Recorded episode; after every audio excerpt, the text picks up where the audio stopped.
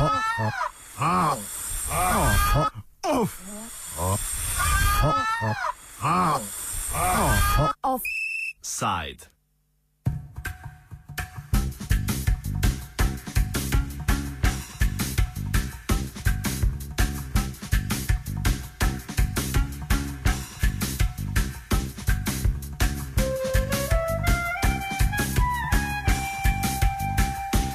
V luči prihajajočega mednarodnega dneva žensk se v današnjem offsajdu obračamo na dve poročili izdani v zadnjih dneh. Prvo, izvedeno na evropski ravni, govori o pojavu nasilja nad ženskami in kaže na neverjetno visoko ogroženost žensk znotraj družinskega okolja in partnerskih odnosov. Medtem ko je drugo osredotočeno na slovensko okolje ter položaj žensk na delovnem mestu.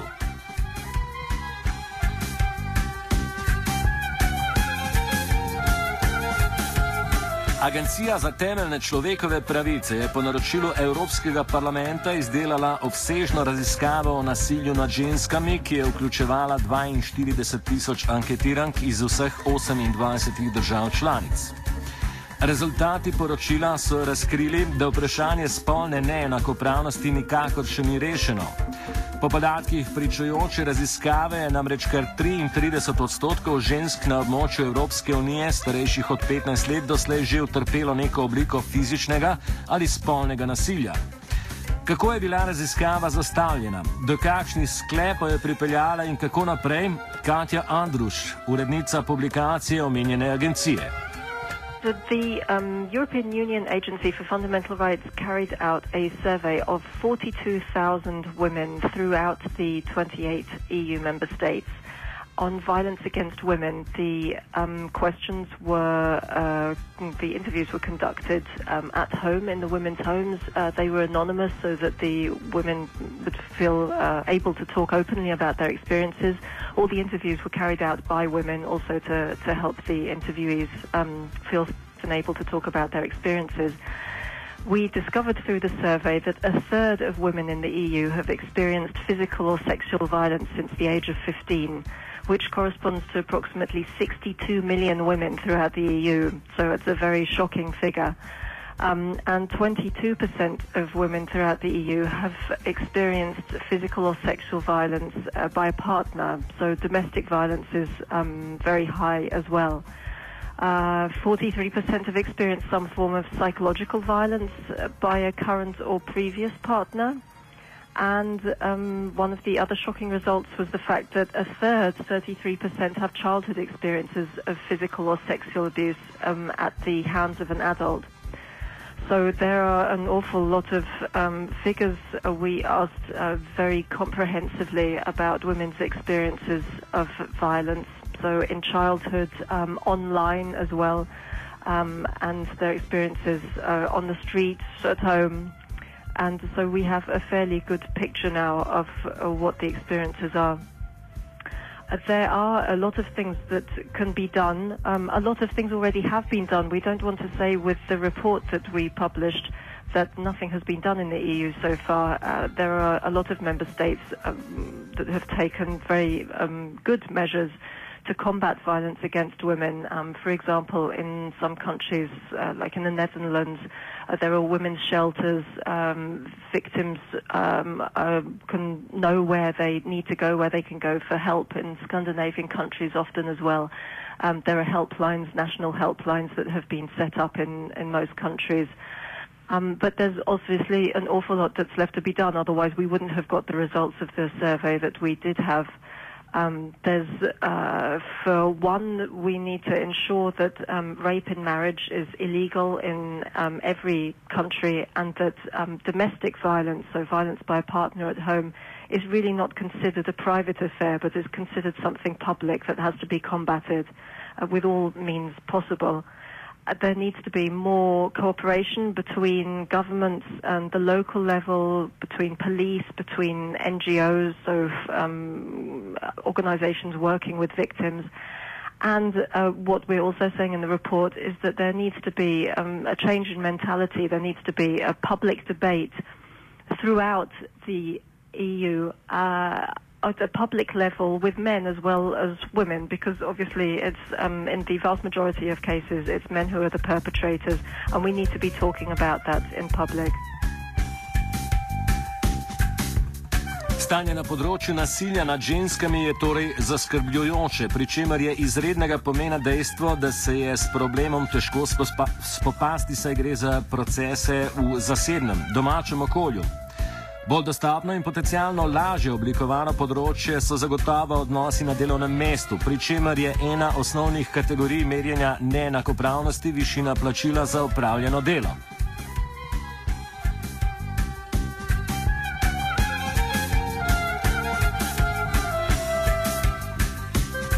Slovenski ženski lobby je danes skupaj z Zvezo svobodnih sindikatov predstavil najdbe študije z naslovom Enako plačilo za enako delo in plačno vrzel med spoloma. Pri izvedbi študije so že takoj na začetku naleteli na dejstvo, da številna slovenska podjetja podatkov po spolih niti ne zbirajo, prek česar je analiza že takoj otežena. Izpostavljena je bila tudi problematika tajnosti podatkov, ki v tem primeru manjša možnost primerjav med zaposlenimi in ščiti delodajalce, ki se v imenu tajnosti lahko izognejo ukrepanju. O razlogih, zaradi katerih so se za raziskavo sploh odločili, ter najdbah nam je povedala predsednica ženskega lobija Medka Roksandič. Izpostavila je dejstvo, da zakon, ki določa enako plačilo, sam po sebi ne zadostuje, se brez mehanizma prevedanja in sankcij ne pride do sprememb. Mi smo dejansko se lotili te študije uh, iz dveh razlogov. Najprej iz uh, tega razloga, da ugotovimo, kakšno je dejansko stanje uh, pri uh, zaslužku žensk in moških na istem delovnem mestu uh, in kakšna je dejanska razlika. Uh, Kajti v Sloveniji velja uh, in še do danes velja prepričanje, da razlik uh, v plačah ženskih in moških na istem delovnem mestu ni. In razlike izvirajo iz pač različnih delovnih mest, iz različnih kariernih zadev, iz, iz, iz razno raznih uh, drugih uh, razlogov. Torej, prva uh, zadeva je bila ta, da uh, to ugotovimo. Druga uh, ideja je bila, uh, da ugotovimo, kakšne so možnosti, da se kakšne so dejanske in resnične možnosti, da se določba, eh, ta pravica do enakega plačila za enako delo, ne glede na spol, ki dejansko v zakonu o delovnih razmerih v 133. členu zapisana in je to obveza delodajalcev, kako se to izvaja. Ali obstaja sploh možnosti, da se izvaja in kako se to počne. To sta bila dejansko temeljna, eh, eh, temeljna namena in cilja v bistvu analize, ki smo jo naredili. Zdaj, kaj so zaključki? Ne? Mi smo seveda pogledali eh, širšo zgodbo eh, okrog enakega plačila za enako delo ali delo enake vrednosti. Ta pojem namreč je izvira iz eh, tako pravnih dokumentov, kot političnih dokumentov, mednarodnih in tudi slovenskih. Um, in uh, ugotovitev je, uh, torej mi smo dejansko uporabili, najprej smo naredili pregled uh, zakonodaje, torej kaj je predpisano, Potem smo pa, da bi ugotovili, kako to v resnici izgleda v podjetjih, smo pa eh, naredili empirično analizo v treh podjetjih. Eh, različnih dejavnosti, želeli smo videti in analizirali smo dejansko ista delovna mesta, ki jih zasedajo ženske in moški. In najprej je bila ugotovitev, da v Sloveniji praktično zelo težko, torej podjetja praviloma sploh ne zbirajo podatkov po spolu, ženska, moški. Torej podatkov preprosto ni. Drugič, da eh, moraš imeti dobro voljo eh, vodstva podjetja, da sploh lahko tako analizo narediš. Kaj ti eh, eh, mnogi od petih pozvanih podjetij sta se tri odločili, da sodelujejo, ker so želeli vedeti, kako je pri njih. Dva, eh, v dveh eh, zavodih in podjetju so rekli, da pri njih je vse na lepšem redu in lahko zagotovo trdijo, da pri njih razlik ni. Ob tem seveda, da sploh ne zbirajo podatkov po spolu. Eh, tako da mi smo dejansko s to empirično analizo, tudi če je bila na manjšem vzorcu, ugotovili, da razlika obstaja in da razlika obstaja na istem delovnem mestu za istega uh, delodajalca uh, um, za ženske in moške pri osnovni plači. Že pri osnovni plači, ne glede na to, kaj je zapovedano, pri osnovni plači že nastaja razlika in ženske zaslužijo manj. Glede na naš plačni sistem, seveda, kjer so dodatki eh, vezani na, v procentu na osnovno plačo, se seveda ta razlika poveča pri končnem izplačilu, uh, uh, zato ker so dodatki, ker da, dodatki povečujejo to razliko. Uh, in uh, torej, da prva, prvi mit o tem, da v Sloveniji razlik v plačah žensk in moških na istem uh, delovnem mestu ni, smo dejansko je porušen. V resnici obstajajo uh, in to je potrdila tudi ena mednarodna analiza, ki je analizirala plače v Sloveniji od leta 1993 do 2007, kjer je jasno pokazalo, da se razlike od nacionalne ravni, kjer so lahko 3, 4, 5 odstotkov, povečujejo eh, do nivoja delovnega mesta v, eh, v, v istem podjetju. Torej, razlike obstajajo in se se s kapitalizmom tudi povečevale, ne zmanjševale. Tako da mi z, z deležem z manjše plače žensk od moških, ki smo v evropskem vrhu kot najboljša država, ne moramo biti zadovoljni, kajti pod pokrovom se skrivajo bistveno večje razlike. In ena izmed uh, bistvenih ugotovitev je tudi ta, da je država, ki je zakonom predpisala obveznost delodajalcev, mora storiti korak več, da se lahko tu tudi dejansko uh, v praksi izvede. Sloveniji namreč niti eh, je problem dokazovanja, ker podatki so tajni, nihče ne ve za kolega ali pa za, za svojega sodelavca, eh, kakšno plačo dejansko ima. Delodajalec teh podatkov ne želi dati in noče dati, ker se skriva za eh, tajnostjo podatkov.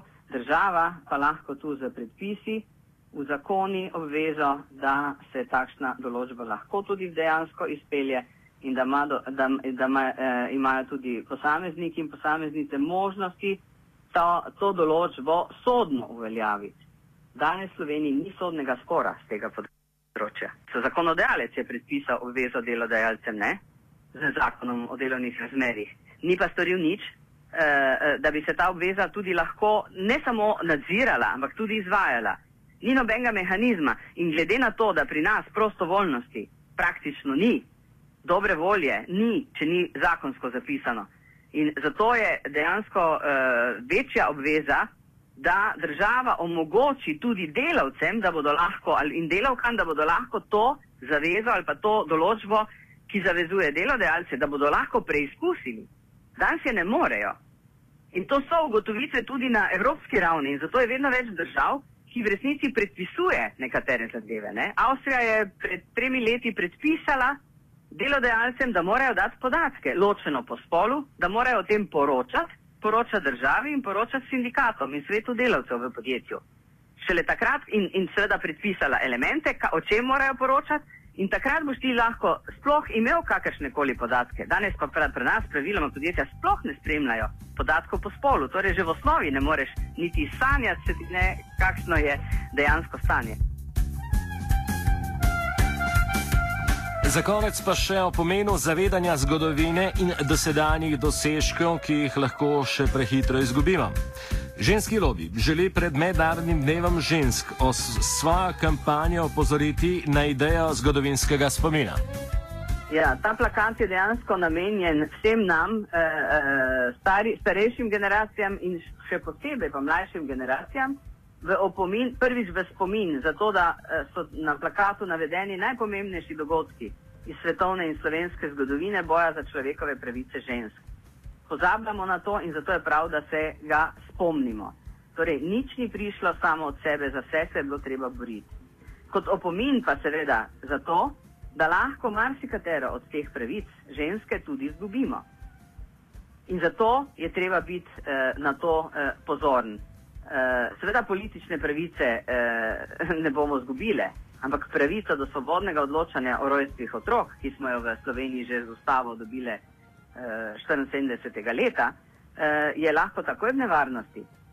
In zato je pomembno, da se zavedamo, kaj, kakšen, je bilo, kakšen je bil prehod in zgodovinski razvoj, zato da ne bo, ne bo razmišljanja o tem in pa seveda tudi um, v, v spominjanje, da tudi v nedavni zgodovini, ne samo volilno pravico leta 1945, ampak da je tudi v nedavni zgodovini se ženske uh, niso mogle vpisati na srednjo policijsko šolo do leta 1997. To marsikdo pozablja. Torej, to so nekatere letnice, ki so za, za uh, enakopravnost žensk zelo pomembne. In ne smemo jih pozabiti, ko bomo ocenjevali eh, v, v prihodnosti, kaj se bo še eh, tem, eh, na tem področju dogajalo.